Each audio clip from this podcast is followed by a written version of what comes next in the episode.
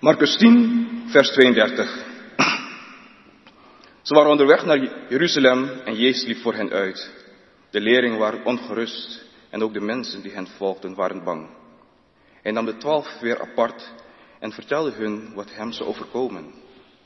We zijn nu op weg naar Jeruzalem, waar een mensenzoon zal worden uitgeleverd aan de hoge priesters en de schriftgeleerden, die hem ter dood zullen veroordelen en hem zullen uitleveren aan de heidenen. Ze zullen de spot met hem drijven en hem bespuwen en hem geeselen en doden. Maar na drie dagen zal hij opstaan. Jacobus en Johannes, de zoon van Zebeus, kwamen bij hem en zeiden, Meester, we willen dat u voor ons doet wat u wil vragen. Hij vroeg hen, wat willen jullie dan dat ik voor u doe? Ze zeiden, wanneer u heerst in uw glorie, laat een van ons dan rechts van u zitten en de ander links. Maar Jezus zei tegen hen, jullie weten niet wat je vraagt.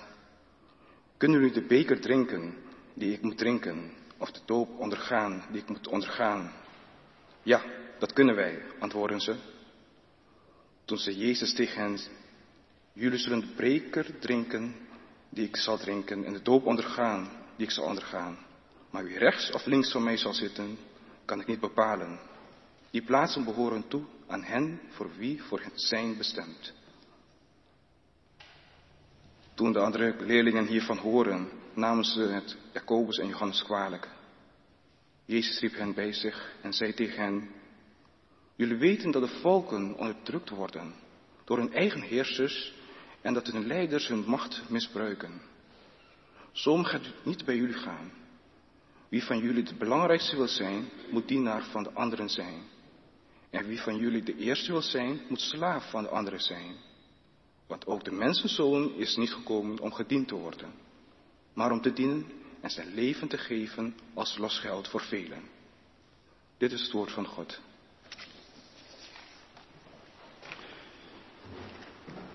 In de preek wil ik stilstaan bij uh, vers 42 en 43, waar Jezus zegt, jullie weten dat de volken onderdrukt worden door hun eigen heersers en dat hun leiders hun macht misbruiken. Zo mag het bij jullie niet gaan. Wie van jullie de belangrijkste, de grootste wil zijn, zal de anderen moeten dienen.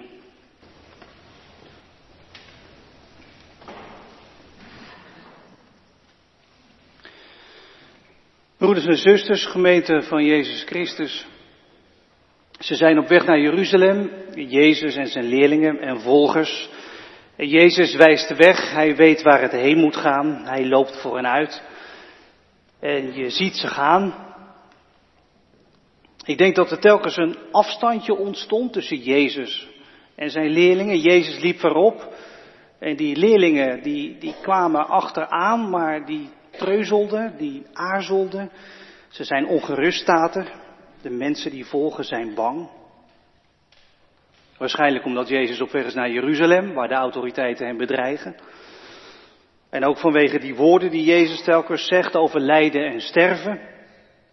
En Jezus loopt voorop en, en hij kijkt telkens achterom naar zijn leerlingen. Waar blijven jullie? Kom op, volg mij. We gaan naar Jeruzalem. Jezus' volgelingen raken achterop. Er ontstaat afstand tussen hem en zijn leerlingen. Jezus legt telkens uit wat er met hem gaat gebeuren, maar ze begrijpen dat niet. Zij zijn met andere dingen bezig. Ze kunnen hem niet volgen. Jezus heeft het over lijden en sterven. Zij hebben het over ereplaatsen en imago. Over invloed, belangrijk zijn. Grotere tegenstelling kun je eigenlijk ook niet indenken tussen jezelf geven en jezelf promoten, jezelf handhaven, tussen jezelf overgeven en, en met alle macht proberen jouw positie te behouden en te verdedigen. Jezus gaat voorop en hij kijkt telkens om. Maar de leerlingen kunnen niet volgen waar hij het over heeft en ze kunnen steeds minder volgen waar hij gaat. En het zal niet lang meer duren of ze volgen hem niet meer en ze laten hem in de steek. Jezus gaat voorop en hij kijkt achterom naar jou en naar mij. En hij zegt, waar blijven jullie? Volg je me nog? Volg jij hem nog, Jezus?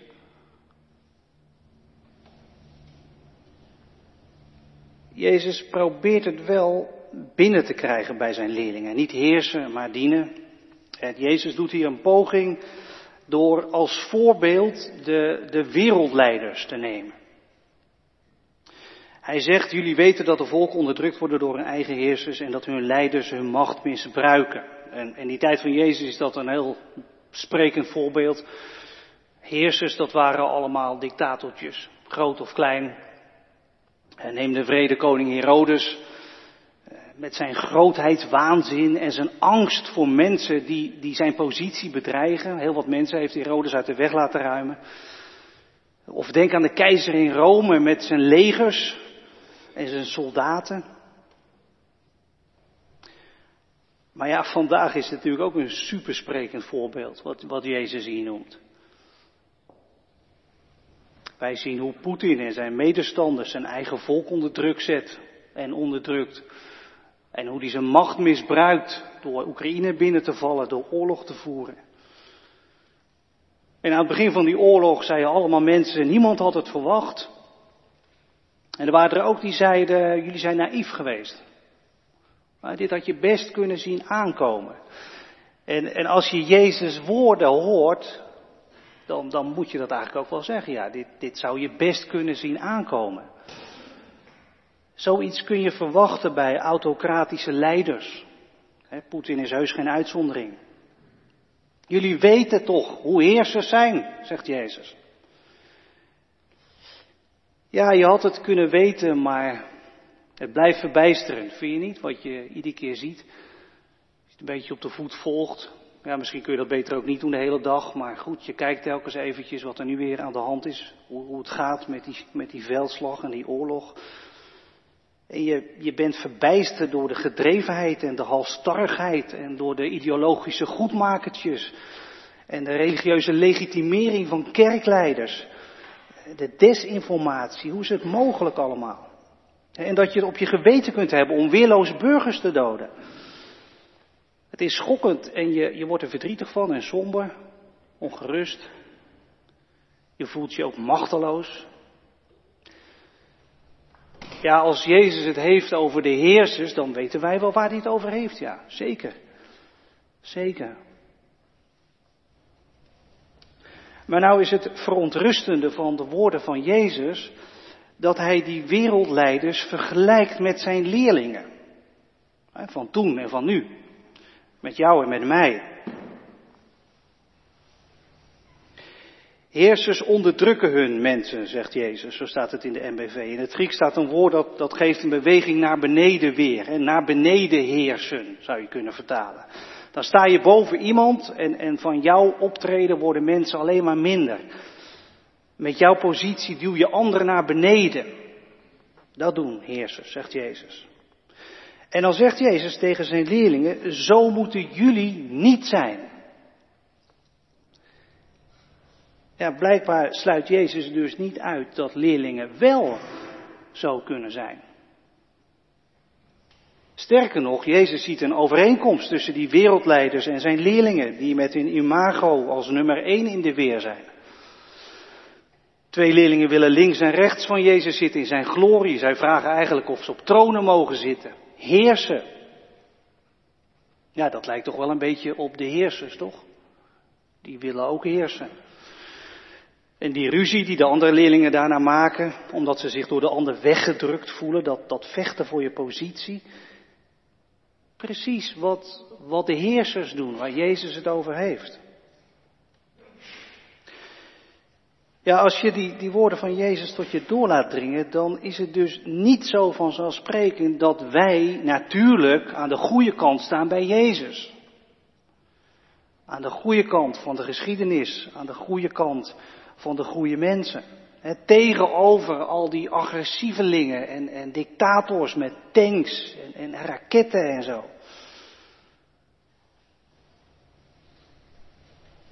Ja, waar sta jij eigenlijk? Sta je aan de goede kant bij Jezus?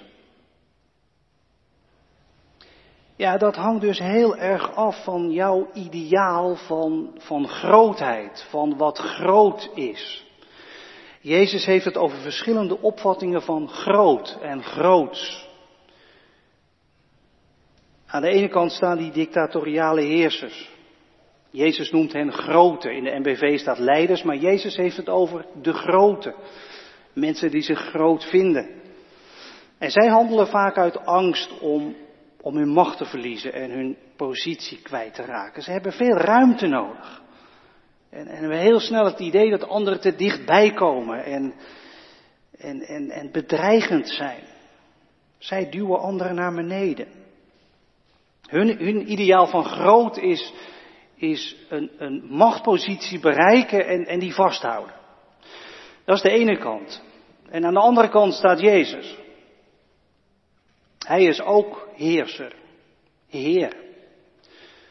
Maar niet op de manier van de grootte van de wereld. Hij heeft een andere visie op wat groot is. En dat komt omdat Jezus niet handelt uit angst om, om zijn positie kwijt te raken. Hij geeft die juist vrijwillig op. Daar ging de wetslezing ook over. Hij deed dat uit eigen wil. Voor hem is groot niet overheersen, eh, maar dienen. Wie belangrijk wil zijn, moet dienen, staat er in de MBV. En in het Grieks staat dus, wie groot wil zijn, die moet dienen.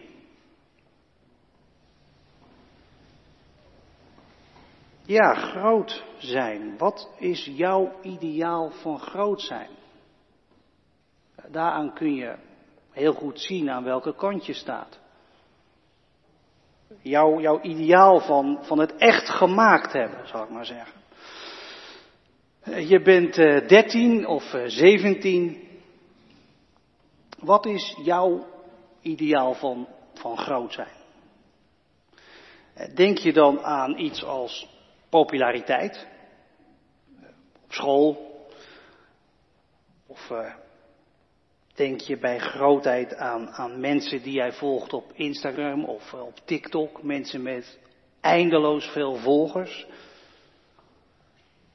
Of denk je bij, bij groot aan, aan hoge cijfers hebben? Of, of misschien zo'n uiterlijk hebben waar, waar iedereen de ganse dag complimenten over maakt. Weet je wel, zulke mensen ken je wel, daar, daar kijk je naar. Waar denk je aan bij, bij grootheid? Aan wie, aan wie denk je dan bijvoorbeeld? Of als je twintiger bent of dertiger of ouder, wat is grootheid? Een mooie cv met interessante stageplekken en bestuursfuncties. Of uh, een geslaagde opleiding. Of uh, meetellen door de geweldige reizen die je hebt gemaakt. Of, of misschien een bepaalde uh, graad van welvaart die, die je hebt bereikt en die je ook kunt laten zien. Of misschien meer invloed hebben. Een beetje richting de heersers, zal ik maar zeggen.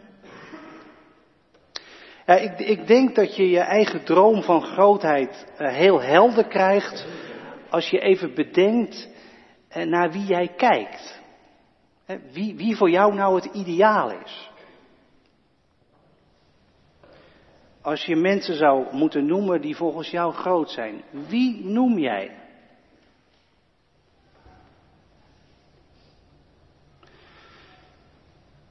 Jezus gaat zijn weg.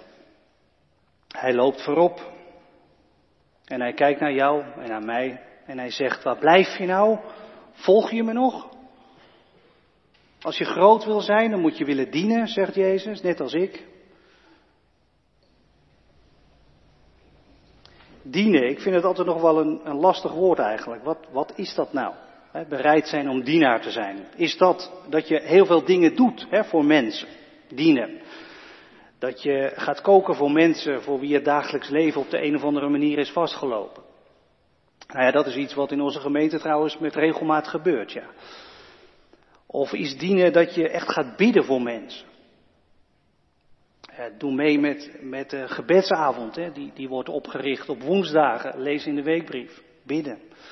Of, of dat je boodschappen gaat doen voor mensen.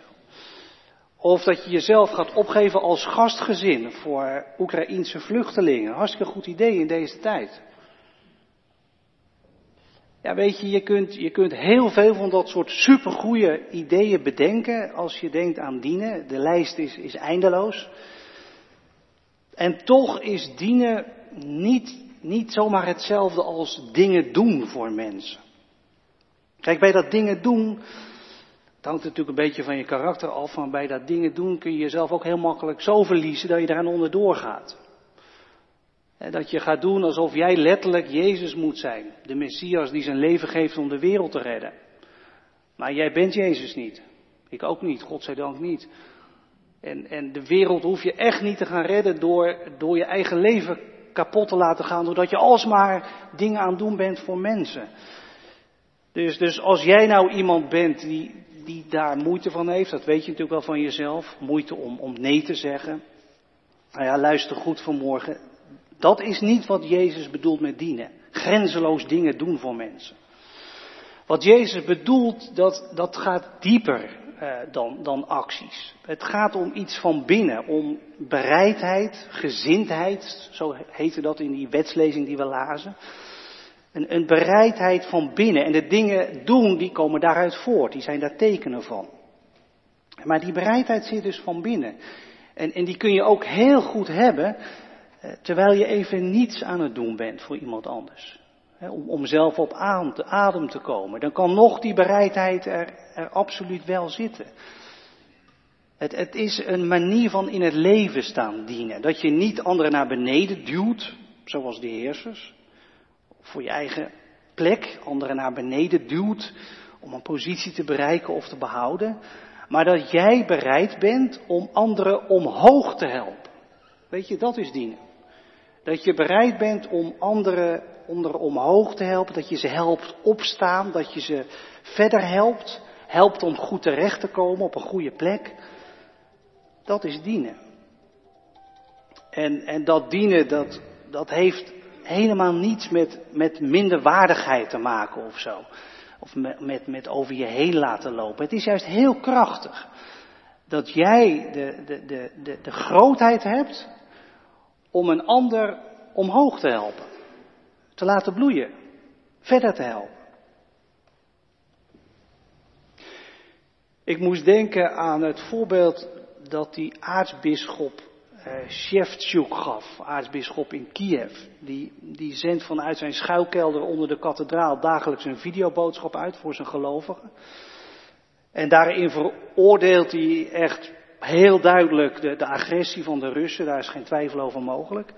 Maar hij roept ook op om te bidden voor je vijanden. En hij is ook de kerkleider die zich heeft ingezet voor een hotline voor Russische families die op zoek zijn naar vermiste soldaten. Die misschien gesneuveld zijn of gevangen genomen, die ze kwijt zijn, om hen te helpen om ze terug te vinden. Weet je, dat, dat is niet niet slaafs dienen, dat is niet minder waardig zijn of zo. Dat is heel krachtig. Dat je de grootheid hebt om mensen verder te helpen, zelfs als ze, als ze misschien tegenstander zijn of, of zeker tegenstander zijn.